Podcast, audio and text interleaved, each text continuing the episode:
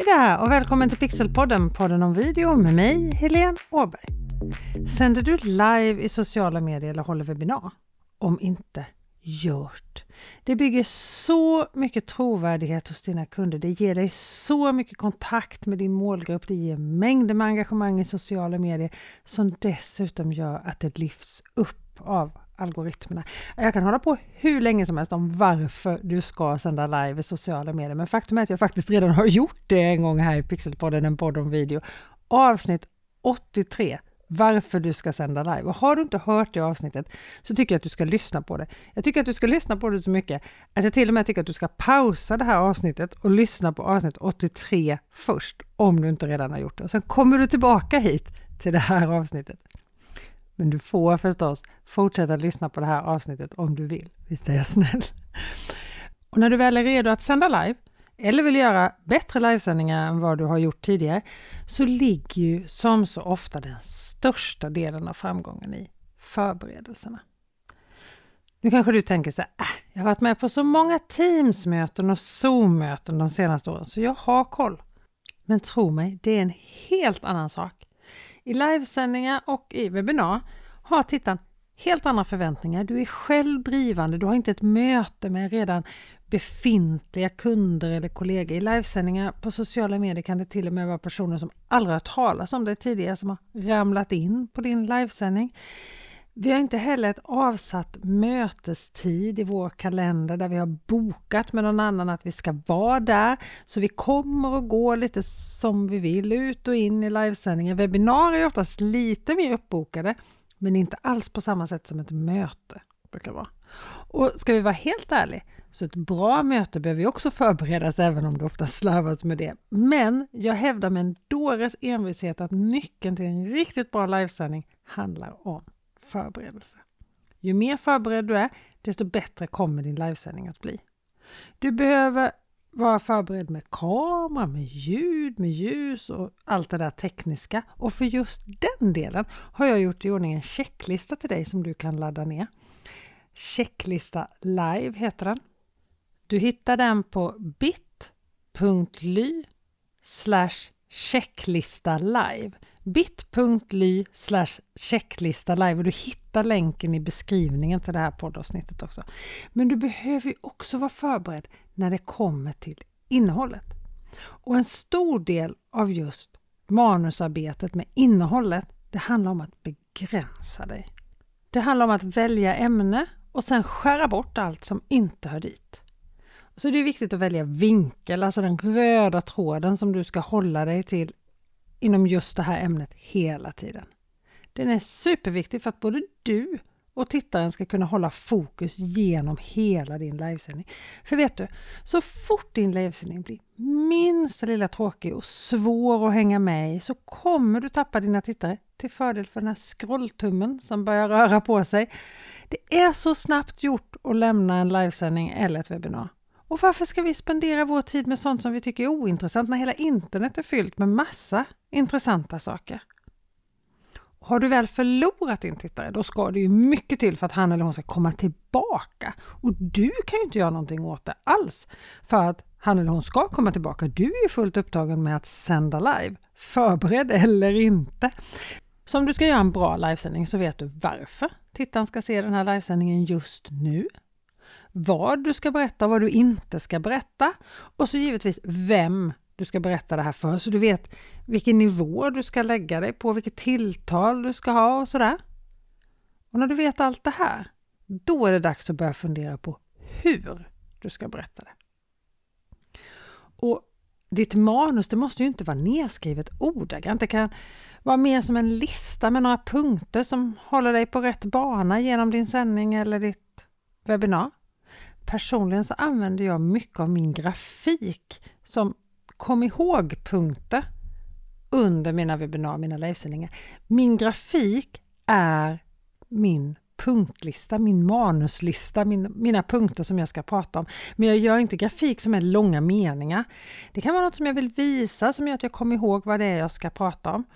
Jag gjorde till exempel livesändning för ett tag sedan om bildkomposition. Då gjorde jag i ordning grafik och bilder som visade så här ett då visade jag tredjedelsregeln som hjälper dig att komponera bilden rätt. Jag hade gjort en skärmdump på min telefon som visade hur man ställde in så man kan få hjälp med det här om man filmar och fotar med telefonen. Och så hade jag tagit bilder som visar på fågelperspektiv, alltså hur det ser ut när du filmar någon underifrån och sen hade jag bilder på som visade grodperspektiv när du filmar någon uppifrån och så fortsatte jag så här. Och det här var ju mitt manus och när jag sen höll min livesändning så såg jag i mitt streamingprogram då i ICAM de här bilderna ligga på rad som olika scener som gör att jag håller mig till det som jag har tänkt i den ordningen jag har tänt. Så under livesändningen så blir de här bilderna och den här grafiken mitt manus. Exakt vad det är jag ska säga till varje bild, det har jag övat in så att jag vet vad jag ska prata om. Och när jag pratade om livesändningen om bildkomposition så vill jag komma ihåg och puffa för den här podden också. Och då framförallt avsnitt 28 som handlar om vad en bra bild är. Så då hade jag även med omslagsbilden för den här podden som grafik. Och så kommer jag ihåg då att ja, men okej, då ska jag puffa för poddavsnitt 28 också. När just den här bilden kommer upp i schemat här då i raden. Det började med att jag liksom beskrev vad tredjedelsregeln var och hur den fungerade. Då visade jag hur man delade in en bild i olika rutor. Och sen så visade jag hur man vill jag prata om hur man kan liksom använda det här på sin telefon. Så då hade jag den här bilden på telefonen där jag visade skärmdumpen på telefonen där jag visade hur jag hade ställt in det.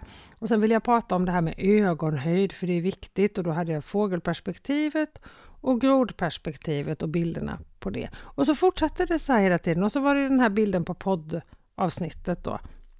Eller på podden, bilden på podden där jag skulle puffa för avsnitt 28 som handlar om vad en bra bild är.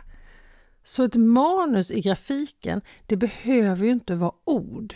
Bilder kan ju också hjälpa dig att komma ihåg.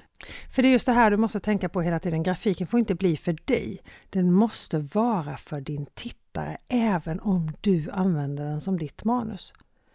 Du måste ha din tittare, din ideala tittare, din målgrupp i fokus hela tiden när du planerar din livesändning. Den här personen som ska titta på den livesändningen, det är den du ska prata med när du tar fram ditt innehåll.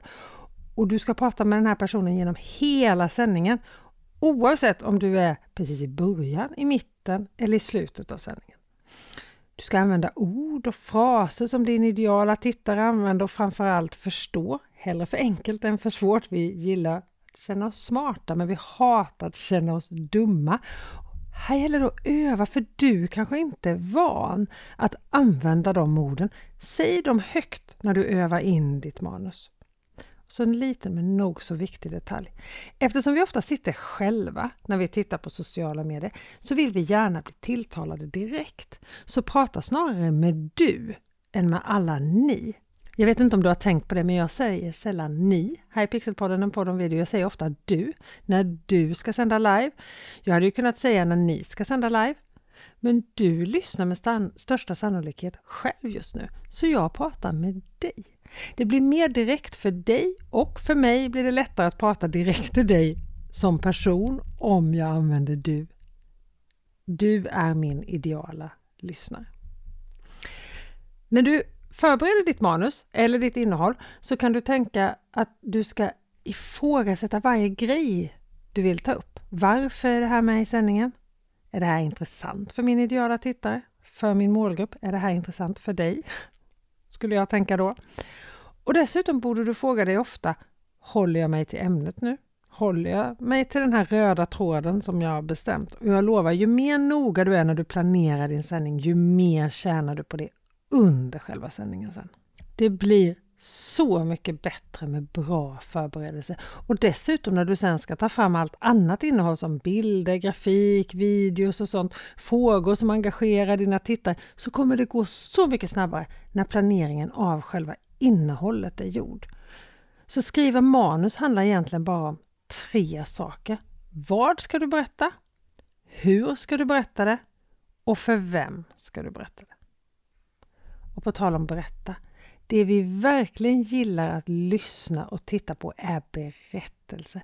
Oavsett om det är något vi ska lära oss eller inspireras av eller om det är en ren underhållning så kommer vi ihåg saker som berättas i ett sammanhang mycket bättre och förstår det ofta mycket lättare också än om det bara rabblas upp. Så planera din nästa livesändning. Ju bättre planering, desto bättre livesändning. Jag lovar. Och använd checklistan så att du inte missar att kolla något. Du hittar den på bit.ly checklista live.